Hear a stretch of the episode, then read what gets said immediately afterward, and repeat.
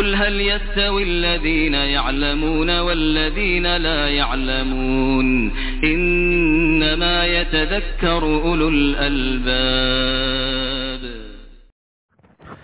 بسم الله الرحمن الرحيم. السلام عليكم ورحمة الله وبركاته. الحمد لله رب العالمين. الصلاة والسلام على أشرف الأنبياء والمرسلين وعلى آله وأصحابه ومن تبعهم بإحسان إلى يوم الدين. أما بعد saudara-saudari yang dirahmati Allah Subhanahu wa taala, kaum muslimin dan muslimat, rahimani wa rahimakumullah. Kita lanjutkan pembahasan kita tentang air yang boleh digunakan untuk bersuci.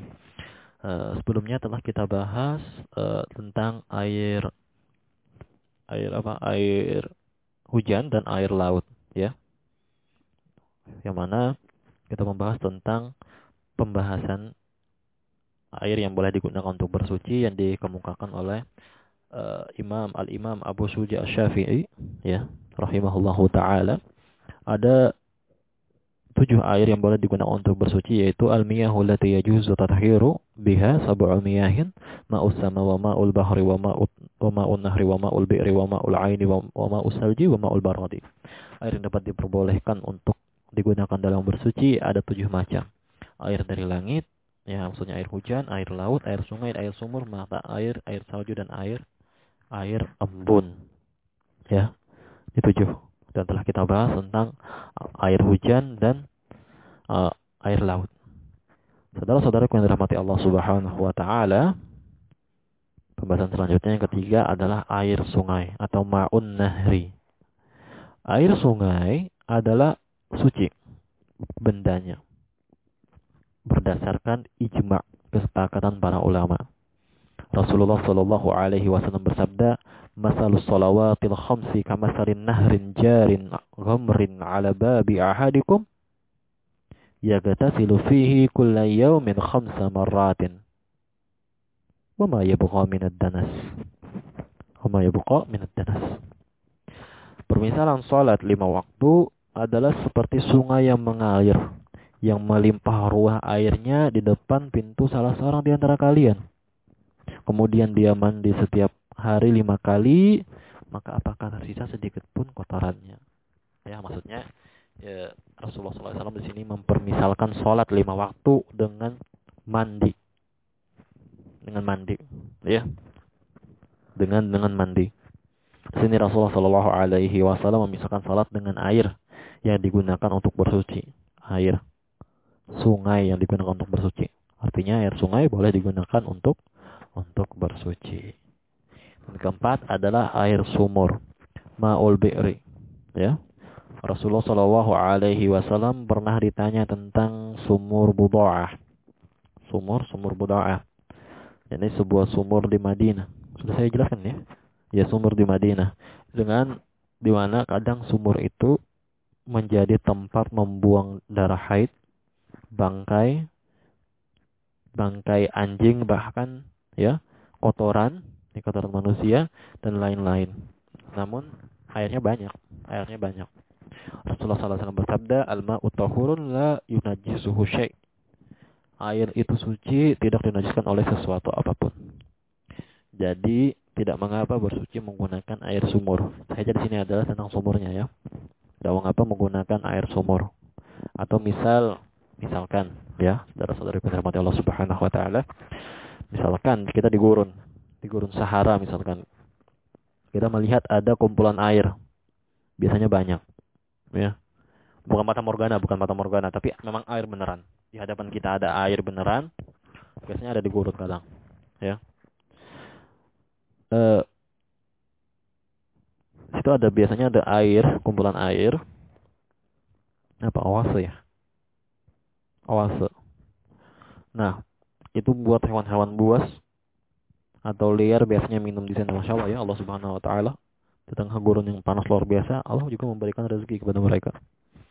Nah ketika kita mendapatkan hal itu menemui itu saking kita di gurun kita boleh berwudu dengannya. Baru boleh berwudu dengannya. Ya. Kita boleh berwudu berwudu dengannya. Itu Kemudian yang kelima adalah air dari mata air. Ma'ul ain. Ya. uh, saudara-saudariku rahmati Allah Subhanahu wa taala, jika air sungai itu suci, ya, boleh untuk bersuci, maka lebih-lebih sumbernya kan air sungai dari mana? Air sungai dari mata dari mata air. Kalau air sungai itu suci, boleh digunakan, apalagi air murni dari mata air pilihan. Iklan saya. Dari mata air, ya. Maka itu boleh digunakan untuk bersuci. Dia seperti uh, hukumnya seperti sucinya air laut dan air sungai. Gitu. Ya. Saudara-saudari yang dirahmati Allah Subhanahu wa taala, pembahasan yang terakhir adalah keenam dan yang ketujuh adalah air salju, ma'u salji dan air embun, ma'ul baradi. E, dalilnya adalah hadis Rasulullah Shallallahu alaihi wasallam tentang doa beliau di dalam istiftah. Doa istiftah atau doa iftitah. Ya ketika beliau SAW berdoa, doa iftitah itu banyak redaksinya. Silahkan dibuka di kitab yang membahas tentang hal itu. Buku-buku tentang doa iftitah. Ya.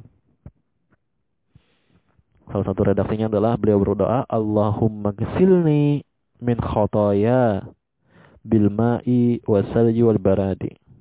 Ya Allah, cucilah dosa-dosaku dengan air. Ya. Dengan air, dengan air salju dan air embun. Hadis riwayat Bukhari dan Muslim. Riwayat Bukhari, Bukhari dan Muslim. Jadi di sini syahidnya adalah Rasulullah SAW berdoa agar Allah Subhanahu wa taala membersihkan dosa-dosa beliau, eh dosa-dosa dosa-dosa dengan eh, apa namanya? dengan air dengan salju dan dengan air embun. Ya. Maka boleh seseorang boleh seseorang berwudu atau mandi dengan air embun yang dia kumpulkan. Bisa kan mengumpulkan air embun bisa. Ada caranya itu. Ya.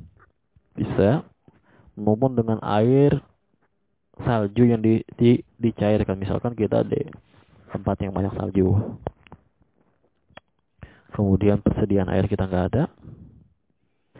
Di luar lagi salju, salju kan tidak bisa bukan bukan berarti saljunya kita kita ambil lalu kita kita usahkan ke muka enggak ya atau kita kumpul-kumpul dengan salju enggak tapi saljunya kita kumpulkan kita kumpulkan seember misalkan baru kita cairkan hangatkan. Ya kita cairkan saat jadi air maka itu boleh digunakan untuk untuk berwudhu bersuci ya untuk bersuci dan lain sebagainya inilah pembahasan kita tentang air yang boleh digunakan untuk bersuci. Jadi air yang boleh digunakan untuk bersuci adalah air mutlak. Air mutlak yang asli. Ya, murni. Yang dari tabiatnya ya, bukan air yang sudah berubah misalkan. Kopi atau teh.